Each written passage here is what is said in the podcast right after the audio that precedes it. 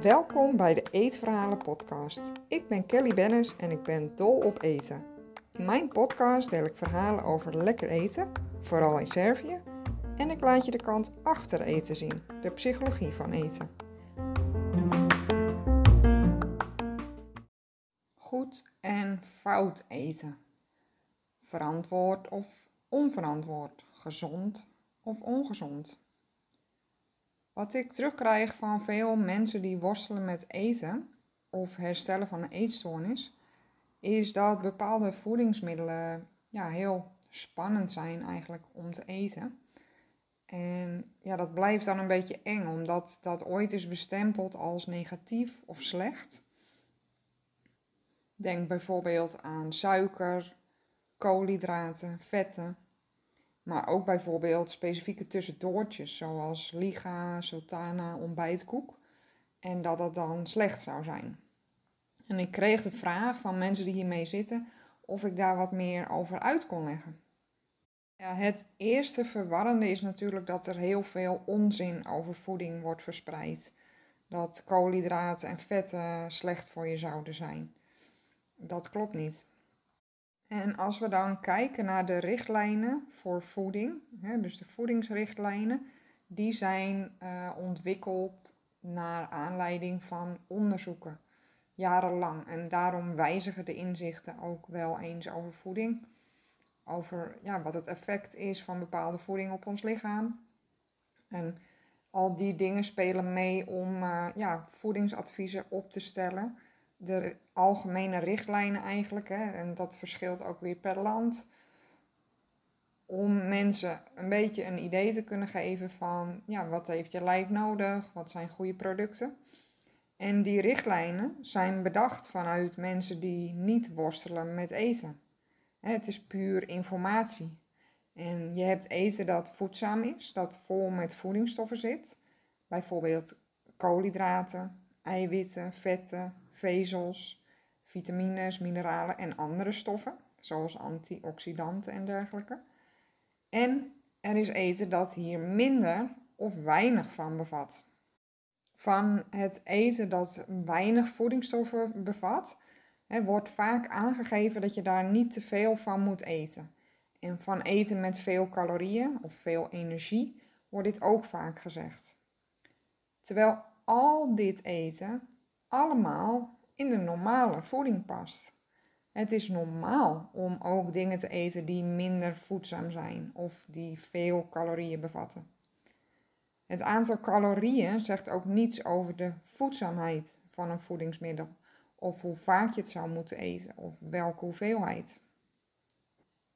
En mensen die niet worstelen met eten, die horen of die lezen deze informatie, hè, die richtlijnen over voeding oké, het is gezond of het is wat minder gezond. En ze denken, oké, en die nemen die informatie in zich op en dan kunnen ze zonder enige stress hiervan eten, keuzes uh, of afwegingen maken. En dan vinden ze zelf een balans tussen gezond en minder gezond eten die voor hen werkt. En vaak gaat dat zelfs onbewust. Het gaat op gevoel als vanzelf. En die overmatige gedachten en zorgen over eten, die zijn afwezig. Dat is niet aan de orde. Maar veel mensen die wel worstelen met eten, die lezen hierover of ze krijgen het advies over bepaald eten dat ze dat moeten laten staan, dat het slecht voor je zou zijn. Maar dit werkt juist averechts. Je kunt je dan schuldig of slap gaan voelen, hè, dat je geen wilskracht hebt als je dit eten eet of er zelfs een angst voor ontwikkelen. Eten kan dan echt een vijand worden. En juist door die restricties verslechtert je relatie met eten. En je gaat denken vanuit goed, fout, of je faalt of dat je goed eet. Gezondheid is niet alleen lichamelijk, maar ook mentaal, geestelijk. En als jij ervaart dat je bepaald eten vermijdt, hè, dat je jezelf restricties oplegt, dan is het belangrijk om te oefenen met dat eten dat je vermijdt. En dan bedoel ik dat je dat wel probeert te eten. Zodat je ja, het gewoon onderdeel kunt laten zijn van jouw totale voedingspatroon. Om de relatie met eten die je hebt, hè, om die te verbeteren of ja, niet verder te laten verslechteren. En hier mag je altijd hulp bij vragen. Dat is zelfs een heel goed idee. Omdat je dan goede begeleiding kunt krijgen, hoe je dit in kleine stapjes kunt doen, waar je je goed bij voelt. Want vaak zijn we hard voor onszelf en als het niet lukt, dan heb je een gevoel van falen. Terwijl het ook heel normaal is dat het niet allemaal meteen lukt en er ook periodes zullen zijn dat het niet lukt. En het is fijn en belangrijk om te horen dat dit normaal is. Dat iemand anders jou aanmoedigt en jou coacht om het makkelijker te maken. Merk jij nou ook dat je bepaalde voedingsmiddelen vermijdt of dat je daar, een beetje bang voor bent om dat te eten, of dat je ja, daar een vervelend gevoel bij hebt? Dan heb ik een aantal tips voor je hierbij. Ten eerste gaf ik net dus de tip om te kijken van welke producten zijn dat dan? En is er een, een van die voedingsmiddelen eigenlijk, die je eigenlijk best wel graag zou willen eten? En dat je die weer kunt proberen. Dus daar zou je eens langzaamaan mee kunnen beginnen. Wat verder goed is om je te beseffen, is dat je geen dieet volgt en geen restricties oplegt. Het kan zijn dat je dat dus wel al deed, maar het is goed om naar een manier van eten toe te werken waar je geen dieet hebt en geen restricties. Je mag alles eten. Je bepaalt zelf wat je eet en er zijn dus geen restricties in en ook geen voorwaarden, hè, zonder condities. Dus je hoeft het niet te verdienen. Je mag altijd alles eten. Wil je hier wat meer handvatten bij, dan kan podcast 35 jou daarin ondersteunen. Daar leg ik heel veel over uit en geef ik ook tips bij hoe je dat kunt uh, ja, veranderen. Wat je verder kunt doen is richt je qua eten op verzadiging, dus dat je genoeg eet. want vaak ervaren we honger en ja, je lichaam heeft gewoonweg genoeg voeding nodig om goed te blijven werken. om alle functies goed te kunnen vervullen eigenlijk. Daar heb je voeding voor nodig. Ook om fit te blijven, goede weerstand te behouden. En ook om te voorkomen dat je honger krijgt en daardoor juist eetbuien krijgt. Of gaat overeten, omdat je lichaam of je geest of allebei dat gaan inhalen, omdat je ja, gewoon dat tekort moet gaan inhalen. Dat voorkom je als je zorgt dat je genoeg eet. En daarbij kun je proberen te luisteren naar de signalen van je lichaam, maar die kunnen vaak verdwenen zijn. En eh, stel dat je bijvoorbeeld uh, anorexia hebt, dan kan het ook zijn dat je juist dat gevoel van een hongerige buik, hè, bijvoorbeeld. Dat je, dat je dat juist opzoekt. Om, omdat dat voor de anorexia het, ja, het gevoel is dat jij het dan goed doet. Dus ja, soms is het moeilijk om naar die signalen van je lichaam te luisteren. Maar dat kan wel een, een uitgangspunt zijn om daar weer naar terug te gaan. Ja, en hier kan je ook hulp bij krijgen om die gevoelens weer terug te krijgen. Bij iemand die gespecialiseerd is in eetstoornissen. Behalve die verzadiging en dat genoeg eten, richt je ook op plezier en voldoening van eten. dus dat je gaat kijken, wat geeft mij plezier, waar geniet ik van? Wat geeft mij voldoening, een goed gevoel? Dus dat je eigenlijk op een andere manier gaat eten. En ga verder op zoek naar het probleem achter het eten. ga kijken naar jouw gedachten en gevoelens over eten, over jezelf. Want hier liggen de antwoorden en oplossingen om jouw relatie met eten en jezelf te herstellen of te verbeteren. En al deze tips die ik nu geef, die kunnen Daar zou je zelf mee kunnen beginnen, maar het is vaak ook lastig. En zoals ik al eerder noemde, je mag altijd hulp daarbij vragen. Dat is een heel goed idee. En dat, ja, dat vergemakkelijkt dit proces ook. En uh, dat is altijd fijn als je daar hulp bij hebt. En jij bent het altijd waard om hulp te zoeken.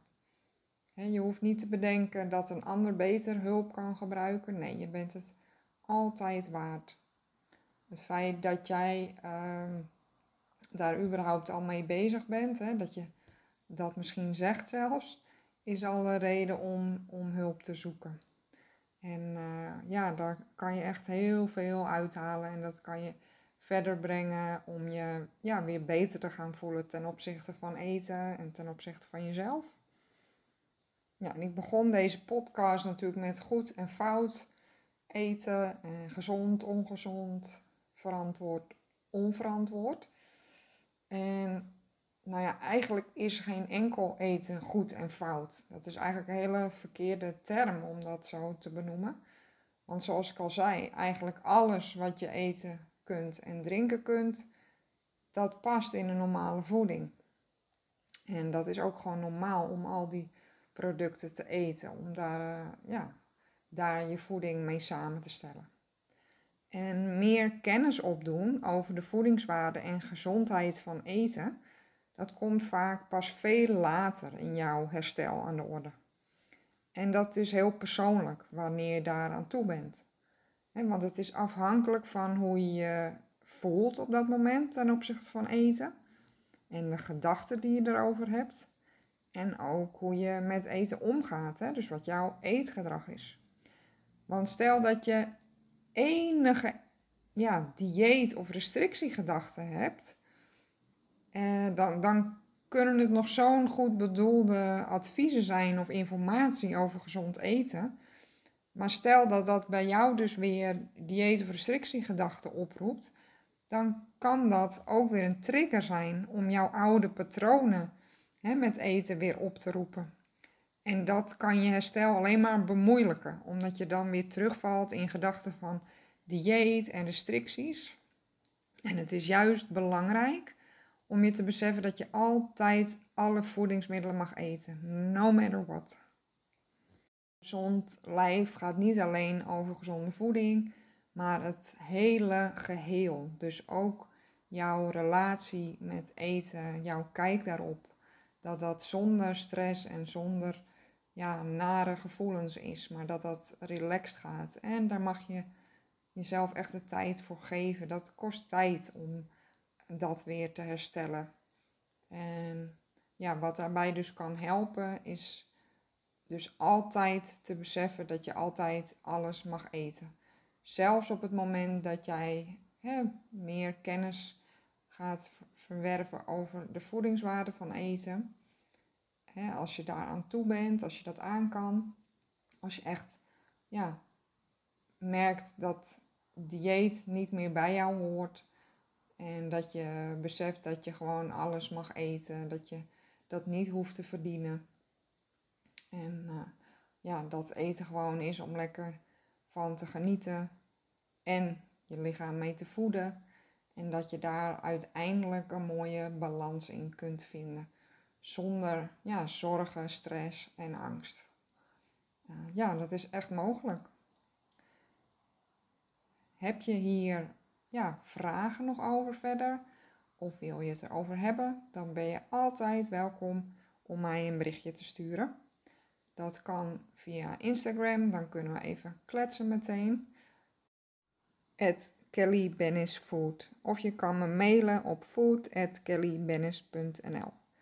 Hou ook mijn social media en website in de gaten voor ja, cursussen die ik aanbied. Ik ben ook bezig met uh, het ontwikkelen van kookcursussen, hoe je laagdrempelig weer ja, lekker met eten om kunt gaan. Lekker eten koken op een eenvoudige manier, waardoor je eigenlijk ja, spelenderwijs weer leert genieten van eten. En echt laagdrempelig. Dus dat het ja, makkelijk is en toegankelijk. En dat uh, ja, je daar beter over kunt gaan voelen en meer plezier in krijgt. Bedankt voor het luisteren en ik hoor graag van je. Doei!